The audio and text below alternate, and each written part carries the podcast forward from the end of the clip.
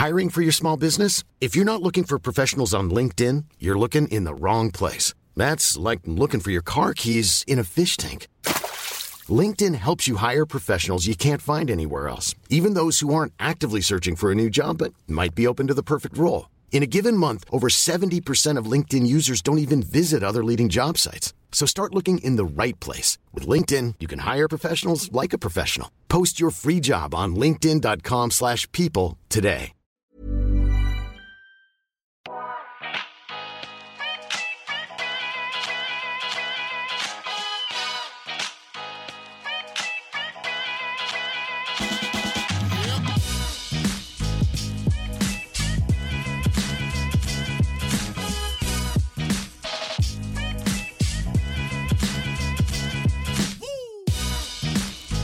Välkommen till En timme med där jag, Sanja Tigeltia, träffar människor som inspirerar mig, som berättar om sina karriärresor, pratar självutveckling och hur de har kommit dit de är idag. I dagens avsnitt så träffar jag Ellen Dixdotter. Ellen är VD på By Marlene Birger sedan ett år tillbaka och har gjort en otrolig varumärkesresa med företaget sedan hon tog över. Hon har tidigare arbetat som marknadschef på Filippa K, även på Hope och även på eh, PR-byrån Patriksson Communication innan hon tog sitt pick och pack och flyttade till Köpenhamn. Vi kommer att prata om hur hon har gjort varumärkesresan, vikten av att ha ett grymt team under sig. Vad skiljer det sig mellan att jobba i Köpenhamn och i Sverige? Och vad betyder systraskap för henne? Hon är också mamma och hon driver ett exklusivt mattföretag med sin syster och deras respektive. Hur hinner hon med allt? Vad är balans i livet för henne och hon, hur försöker hon nå den? Hoppas ni gillar. Så, hej Ellen! Hej! Tack för att du är här. Tack för att jag får vara här. Jag är så glad med din göteborgska. Det här kommer bli bra. Försöker ändå tona ner den lite grann. Nej, jag Men den finns där. Du axlar ju rollen som VD på By Marlene Birger sedan eh, hösten 2020. Eh, Och du har ju gjort en enorm förändring med, med varumärket. Vart började allting? Eller hur hamnade du där? Ja, men jag hamnade där för tre år sedan, ganska exakt. Ehm, då ehm, bodde jag i Stockholm, eh, blev kontaktad av en rekryteringsfirma om ett jobb i Köpenhamn. Eh, då kunde de inte säga vilket bolag det var men ungefär vilken roll det var och jag var väl ganska så här direkt, jag har ju eh, varit arbetandes i Köpenhamn tidigare. Jag var där och startade upp Patriksson 2008. Så att Köpenhamn har ju alltid legat mig varmt om hjärtat men, eh, men kände väl ändå när de hörde av sig att eh, det enda bolag som känns intressant är typ By Malene Birger. Eh, men jag hade ju ingen aning. Men, men eh, det visade sig att det, det var By Malene Birger och träffade vdn, träffade hon som var creative director då och lite sådär och kände, eh, kände att det var en extremt rolig utmaning. Eh, jag har liksom följt det varumärket lite sen, sen jättelänge tillbaka när jag jobbade i butik, eh, när jag pluggade 2005, 2004, 2005 eh, och har liksom eh, gillat eh, gillat varumärket väldigt mycket men kanske sett eh, och jobbade även med, med på Patriksson när jag var där som konsult. Men har väl tyckt att senaste åren att det kanske lite har tappat liksom det som varumärket hade en gång i tiden och, och, och jag är oftast mest, eh, mest liksom sugen på där det ska ske förändring. Eh, jag är inte så mycket en, en förvaltare utan mer, mer en, liksom, eh, en som kan eh, ruska, ruska om i saker. Så därför så kändes det när jag fick reda på att det var det varumärket som eh, en väldigt, väldigt rolig utmaning. Kul. Och vad började du som då? Ja, men då började jag som eh, typ brand director. Eh, visual och marketing satt under mig.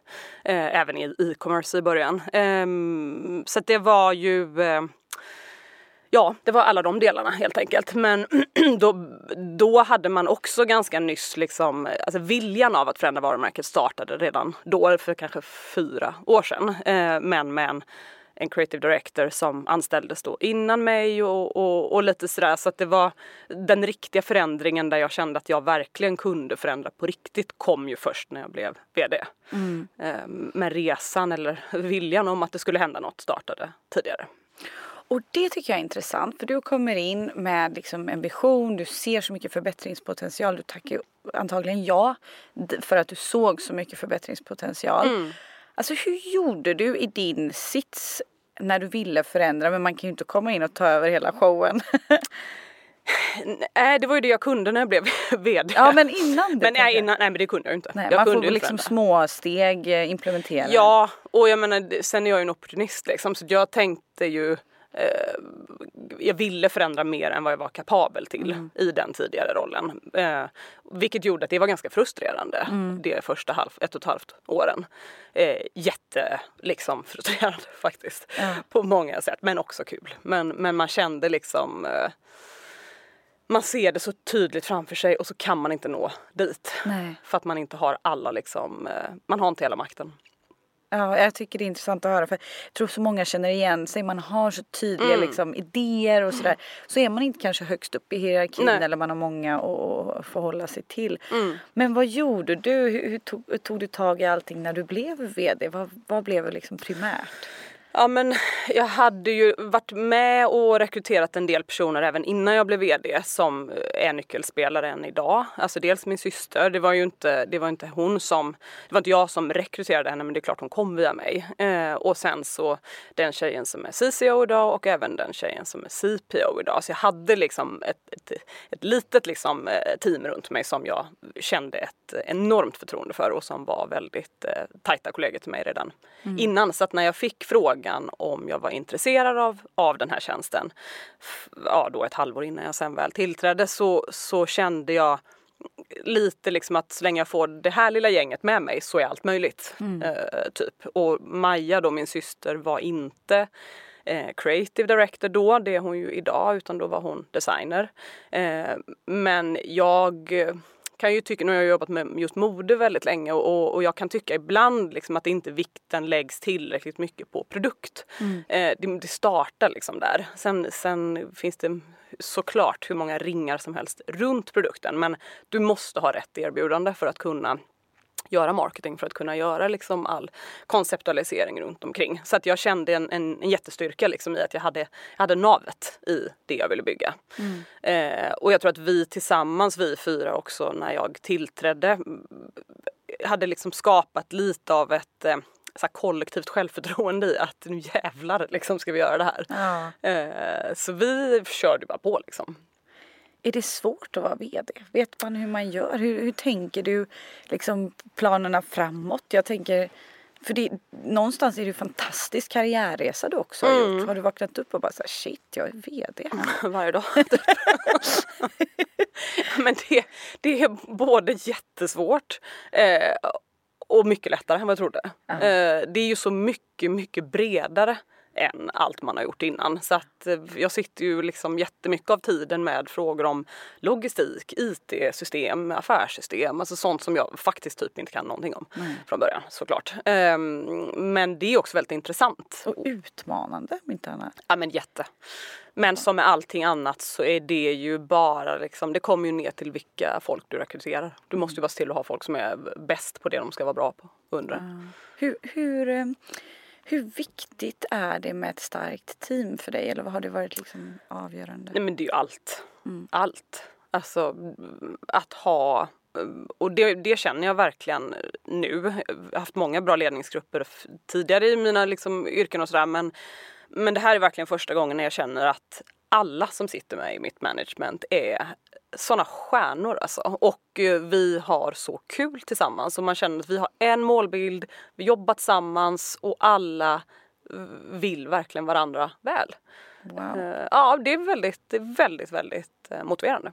Det är ju drömscenariet mm. kan jag tänka mig. Ja, men. Ehm, för, för, man vill ju inte heller ha någon där som inte riktigt vill vara där. Nej, nej verkligen. Som går till jobbet bara för man måste. Verkligen. Eller för sin lön. Men hur kom du in på, på mode från första början?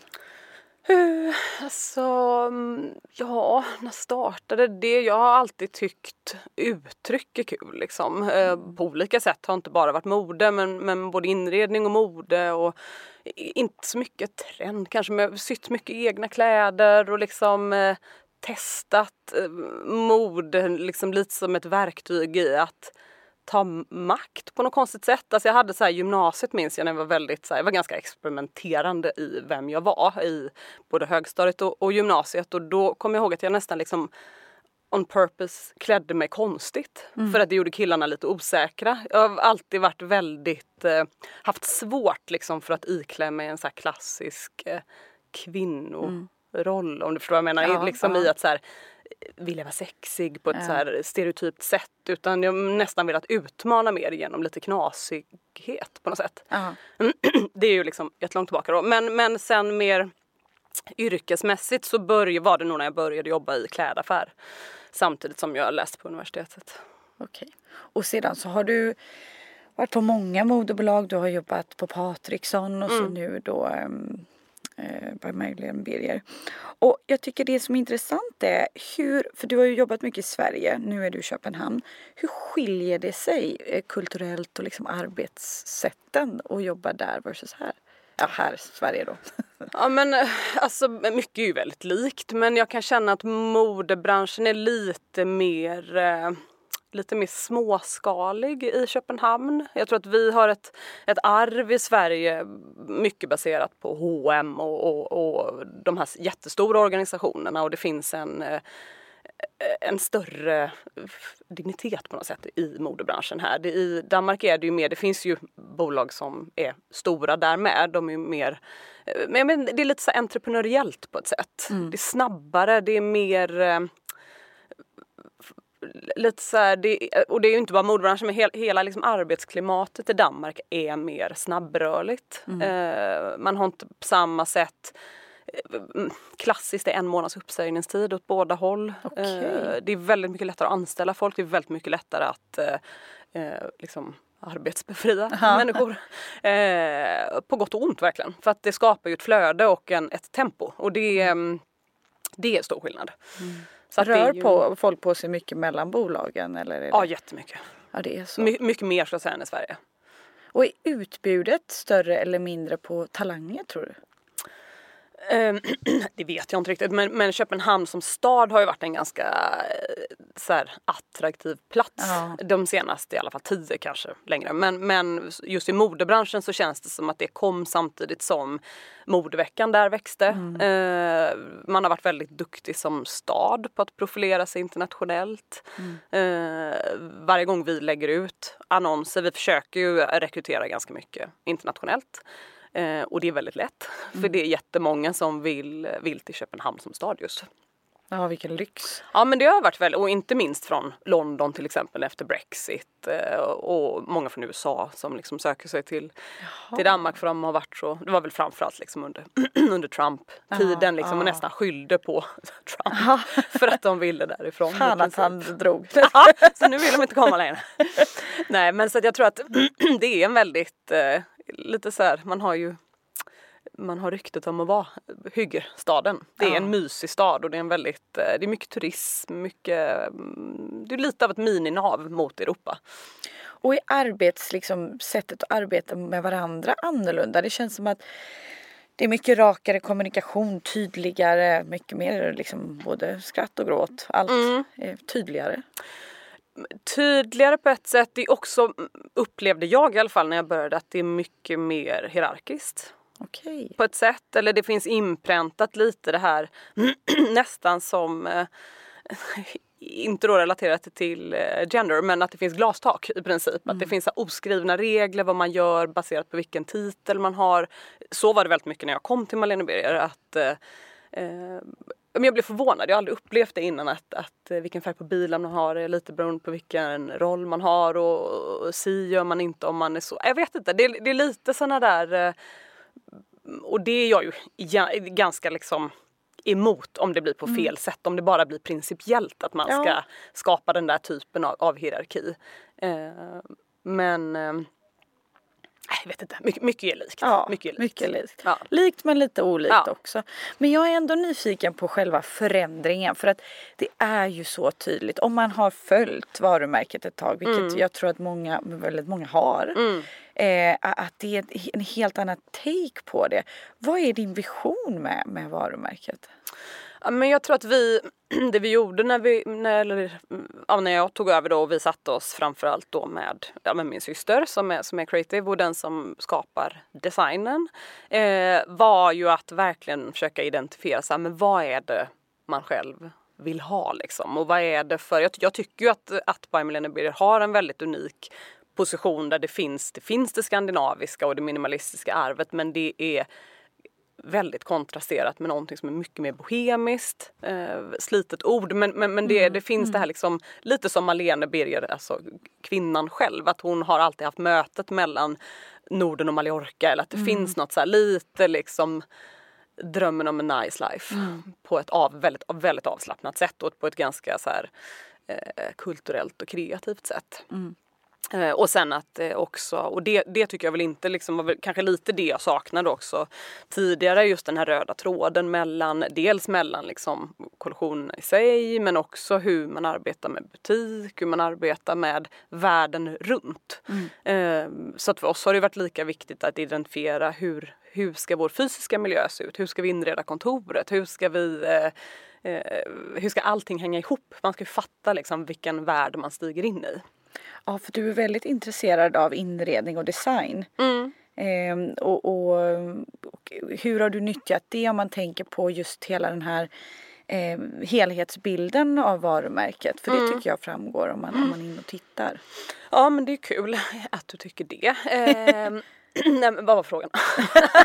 nej, men hur, hur, du har liksom eh, kombinerat de här två, hur du har tänkt. Är det, är det strategiskt eller är det? Ja, strategiskt och väldigt eh, naturligt på något mm. sätt. Eh, och så jobbar ju Maja med när hon, hon gör sina moodboards. Så att det är å ena sidan väldigt konkret hur luxen ska se ut eh, och, och sådär. Men också kan det lika gärna handla om eh, designinspiration eller liksom massa andra saker. Eh, och sen tror jag för oss har det också varit väldigt viktigt att inte så här fastna för mycket i att nu ska vi sätta ett butikskoncept utan att det handlar ju om att vi blir nästan som eh, som liksom kuratorer eller att mm. man är, man är så här, eh, nu ska vi renovera till exempel då Stockholmsbutiken.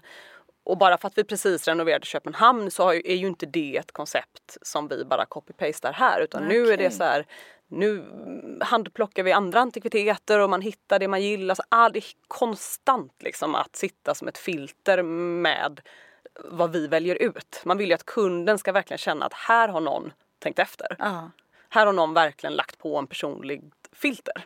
Oh, wow. Och det behöver inte bara vara jag utan det är personan eller varumärket som är filtret. Oh. men då är det väldigt, väldigt viktigt att alla som jobbar med varumärket eh, generellt förstår vad det är. Exakt. Det är ju det är lätt. det svåra. Ja det är jättesvårt. Absolut. För att man vill ju att alla ska, det är väldigt svårt att anställa någon med den känslan mm. eh, ibland. Mm. Eller har, har jag känt när mm. tidigare arbeten och sådär man har intervjuat människor. Man vill nästan se eller ja. Eh, för att förstå. Men, eh, men vad intressant. Det, det är så kul att höra hur du tänker liksom helhetsperspektiv och, och jag då som inte någonsin har gjort det du gör tänker så här, men tiderna förändras, det är så hög konkurrens mm. eh, inom mode. Mm. Eh, man ska hela tiden vara on top of mind hos kunden och vilja såklart att de ska köpa och sen. Mm. Hur, hur, kommer ni tänka, alltså, eller framförallt du då, vill du att varumärket ska hålla den här röda tråden men det kommer ske lite förändringar eller kommer man göra något helt annat nästa år? Hur, hur tänker du där? Nej, man kommer inte göra något helt annat. Sen ska vi ju alltid eh, liksom, vi ska inte stagnera. Det är inte, vi är ju inte en så, ett sånt varumärke som alltid ser likadant ut men Nej. däremot ska känslan alltid vara detsamma. Ehm, och ehm, och sen har vi ju, vi har jobbat ganska mycket med att, att skala ner kollektionerna. Jag tror att vi har skurit ner dem med ja, över 50 procent liksom det senaste året. Okej. Okay. Gör det mycket, mycket mindre, mer uttänkt liksom. Eh, jobba mer med bättre material, hållbarhet. Eh, försöker verkligen tänka att det ska ändå vara investerings pieces. Mm. Och för oss behöver inte en investeringspis vara eh, jag ska inte säga tråkig, men den behöver ju inte vara eh, supersimpel. Du, vi tror ju att man samma, samma liksom, eh, vad ska jag säga, kappan jag har på mig idag Ja. till exempel som, som är en, en, en benvit Sherling coat. Den kommer jag ju, den är ju inte på något sätt, den är ju ganska liksom speciell men den kommer ju inte jag tröttna på om fem år. Nej, nej. Så vi tror inte att det måste vara minimalistiskt bara för att det ska vara långsiktigt utan att eh, det ska verkligen vara kreativt och vi kommer nog verkligen ta ut i svängarna inom vår lilla värld i vad det nu innebär eh, så att kunden ändå känner att det är överraskningsmoment och sådär. Men, men det kommer, man ska alltid ändå känna igen sig. Ja. Vad coolt. Coolt att höra hur, hur man resonerar för oss som inte är liksom inne i och hela den designen, Mm. processen och sådär. Man tänker det måste vara extrem kreativ press på att förnya men ändå hålla en röd tråd och Mm. överraska. Och det tycker ni överraskar, det är väldigt bra om man tittar på, på vad ni visade upp om en Köpenhamns modevecka i år. Just det. Den fick ju extremt mycket f- fin uppmärksamhet och då det är ett tydligt kvitto på att ni har överraskat. Ja, absolut, Eh, verkligen. Och då vill man ju toppa det. Nej men så är det. Det är ju en, eh, och jag menar vi har ju också en jättestor eh, fokus, vi har ju stort fokus på att växa internationellt. Eh, inte primärt liksom Skandinavien och, och har ju genom de två senaste kollektionerna kommit in på alla de här liksom stora globala modehusen som ja, men Harrods, Selfridges och, och, och alla sådana ställen och de ställer ju ganska höga krav på vad man ska leverera så att det är klart att det är vi lutar oss inte tillbaka. Nej. Gud vad kul det ska bli att följa. Ja, Du är bara pressande. Jajamän. Nej, nej. Men eh, kan du inte berätta lite vad, jag vill också bara höra vad systerskap betyder för, för dig. För att du umgås väldigt mycket med dina systrar privat. Du Mm. jobbar med, med en av dina systrar. Eh, vad betyder de och det för dig? Ja men det, det är ju allt för mig faktiskt och har alltid varit. Det blir väl på något sätt en sån här den liksom ultimata nakenheten eller vad man ska säga i en typ av relation som är så kravlös på ett sätt eh, och väldigt eh, väldigt hjärtlig men samtidigt väldigt okonstlad. Alltså vi är ju verkligen snälla mot varandra absolut men vi är ju också väldigt raka mot varandra. Och har väl i alla fall nu lärt oss att ta det, ta det på rätt sätt. Eh, och, ehm, och det, är ju, det kommer ju kanske inte naturligt av att man är systrar. Nu, nu är ju vi inte kanske nödvändigtvis superlika men vi, vi tycker väldigt mycket om varandra. Eh, och har väldigt kul ihop och har alltid haft det. Nu min yngsta syster Lisa är ju eh, tio år yngre än mig så att hon är ju, eh, har ju lång tid i mitt liv varit väldigt mycket yngre än mig. Nu, nu är vi ju på samma plan eh, i och med att hon är stor. Eh, och båda bor i Köpenhamn så att det, eh, vi följs åt. Ja, det är fint. Och är det utmanande att jobba med en av sina systrar? Hur går, funkar det? Nej, det har liksom inte varit det. Vad skönt. Ja, och lite konstigt kanske. För att det, jag, var, jag var ganska nervös när vi skulle anställa henne. Inte för att hon inte skulle leverera utan just för att Gud vad jobbigt om någon annan inte är nöjd med henne. Eller vad jobbigt om eh, man, jag vet inte, vi har inte liksom varit anställda tillsammans. Vi har jobbat med andra projekt som Kappelen de Myr och vårt mattföretag och lite sådär vid sidan av. Men, men aldrig haft en, en gemensam chef. Eh, så att det är väl lite nervöst. Men det, det har faktiskt aldrig varit något problem. Och kanske skönt att man kan vara ärlig till sin syster. Mm. Du det där, det där hade jag inte gjort om jag vore du. Eller kan Ja, man kanske nej, inte säga jo, nej, men visst. För det vågar ju inte en kollega säga riktigt på Nej, samma sätt. det är mycket ärligare och det är Ah. mycket snabbare. Det blir ju väl, man blir ju lite att man... Vi, vi är ganska olika i vårt sätt att vara men vi smälter ju lite ihop i... Vi tycker nästan alltid samma sak rent kreativt. Mm. Och det är väldigt skönt. Oh, ja. För det gör också att jag kan släppa nästan allting henne. Jag, jag behöver inte lägga mig i liksom vad... Och du hon- litar Ja, på. hundra procent. Och det är underskattat om man tänker för du har för mycket att göra för att peta i allting Ja, nej, det går egentligen. inte. Det går ju inte. Ah, då kanske det är ändå ett tips till dem där ute anställs. Folk bara nej. Men jag är så nyfiken på mattföretaget för Mhm. det hinner du också med. Eh, och driva ett, ett eh, exklusivt mattföretag tillsammans med syrran och era respektive. Ja. De får man inte glömma. Nej, precis, de får man verkligen inte glömma för det är faktiskt de som driver det. Ja det då. inte vi. Men berätta om det. Nej men det startade för, åh gud vad kan det vara, tre år sedan kanske? Ja det var nog ganska exakt tre år sedan. Eh, precis innan vi skulle flytta ner. Eh, det, var igen, och det var egentligen min man och han som idag är den liksom, fjärde kompanjonen, en kompis till oss, som drog igång det. Eh, och eh, hade egentligen tänkt köra det själva men så kände de väl ganska tidigt in i processen att de ville ha någon med designkunskap och någon med brandkunskap. Så att då kopplades vi på. Okej. Ehm, Wow. och sådär. Och hur mycket tid hinner du lägga på det tänker jag? Nej men det gör jag ju inte. Så Nej, att, eh, mm, ja, absolut inte. Eh, så att just nu, jag har väl liksom, eh, dels håller vi på att anställa folk nu Mm. mer. Eh, min man och Majas man och vår tredje partner jobbar ju heltid med det.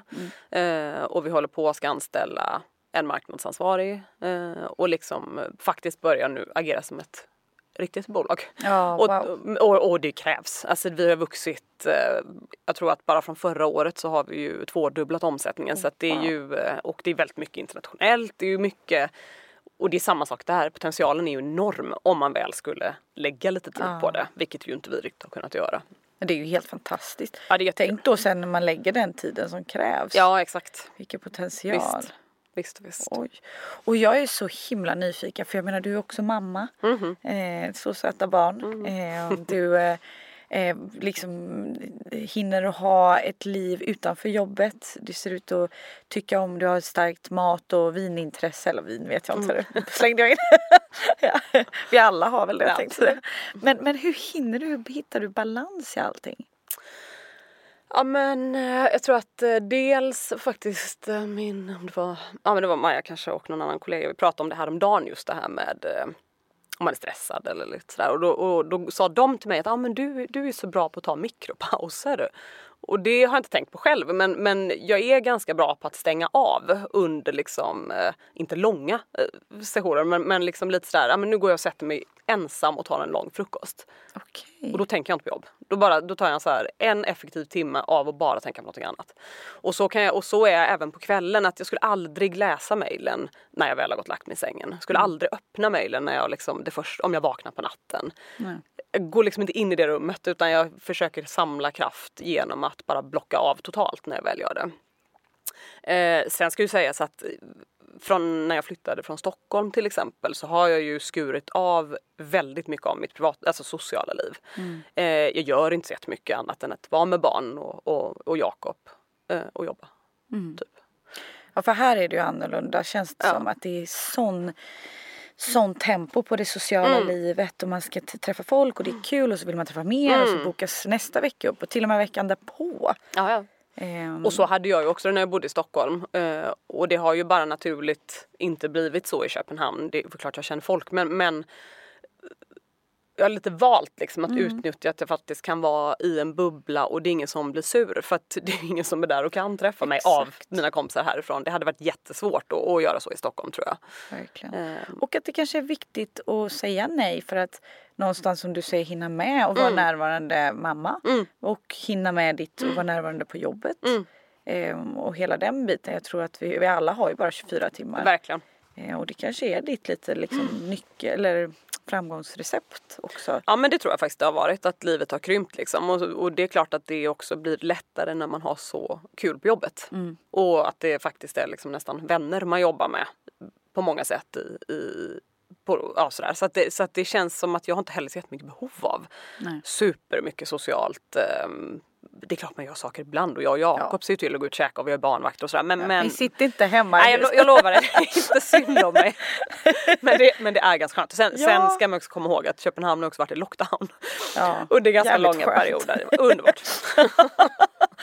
Men eh, nej, jag, men jag, jag håller med och det, det är ju det som är så brutalt skönt att så här, man inser att alla är inte supermänniskor och hinner med allt, allt, allt, allt, Nej. allt. Liksom.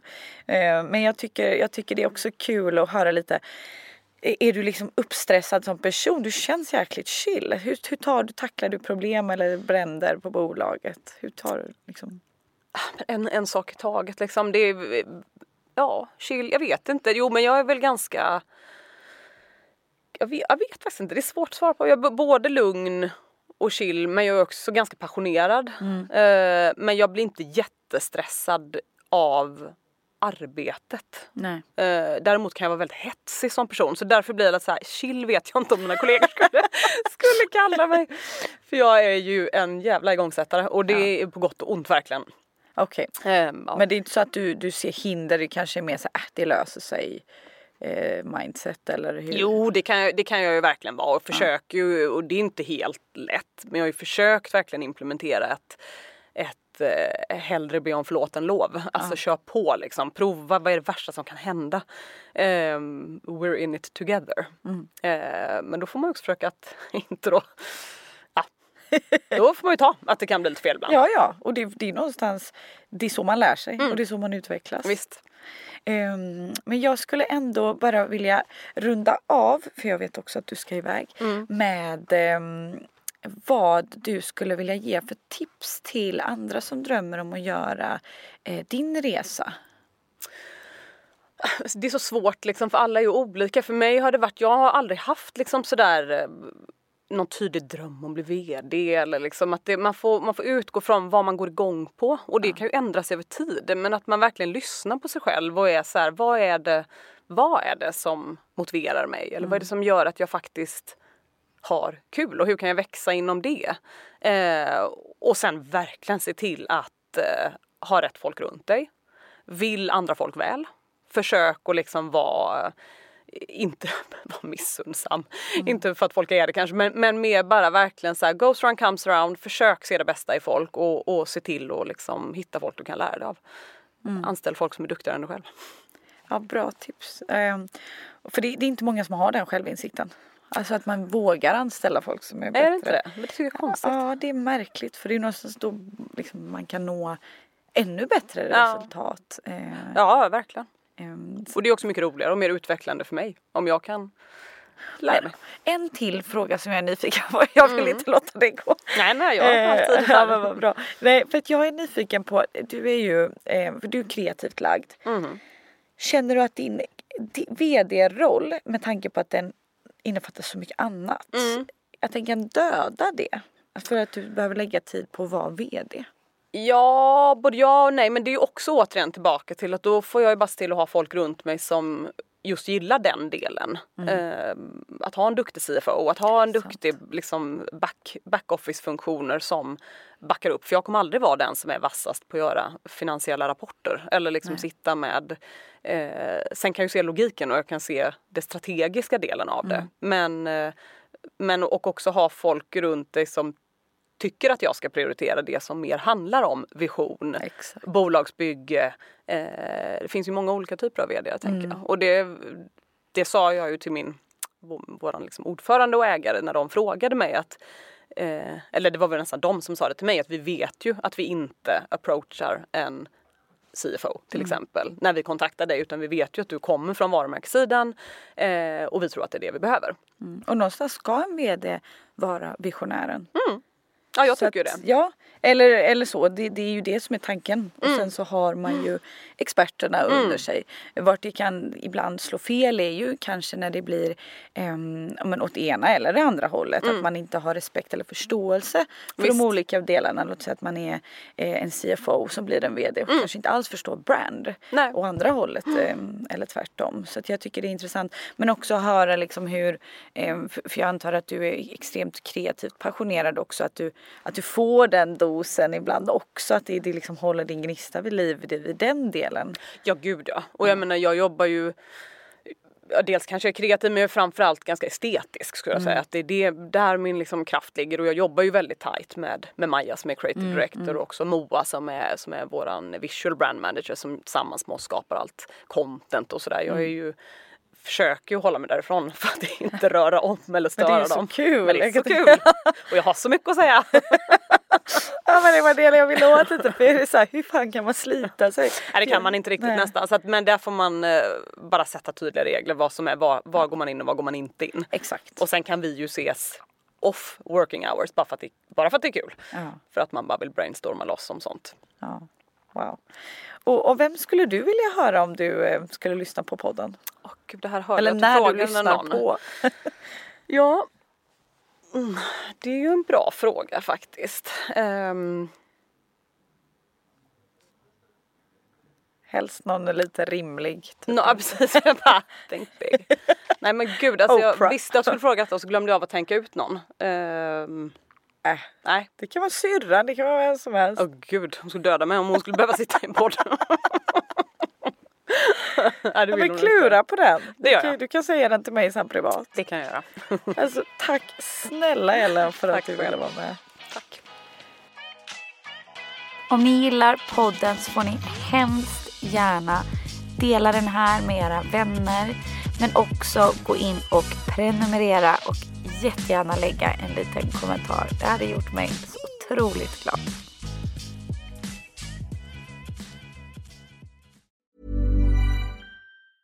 Even when we're on a budget we still deserve nice things. Quince is a place to scoop up stunning high-end goods for 50 to 80% less than similar brands. They have buttery soft cashmere sweaters starting at $50, luxurious Italian leather bags, and so much more. Plus, Quince only works with factories that use safe, ethical, and responsible manufacturing. Get the high-end goods you'll love without the high price tag with Quince. Go to quince.com/style for free shipping and 365-day returns. Mom deserves the best, and there's no better place to shop for Mother's Day than Whole Foods Market. They're your destination for unbeatable savings, from premium gifts to show-stopping flowers and irresistible desserts. Start by saving 33% with Prime on all body care and candles. Then get a 15-stem bunch of tulips for just $9.99 each with Prime. Round out Mom's menu with festive rosé, irresistible berry chantilly cake, and more special treats. Come celebrate Mother's Day at Whole Foods Market.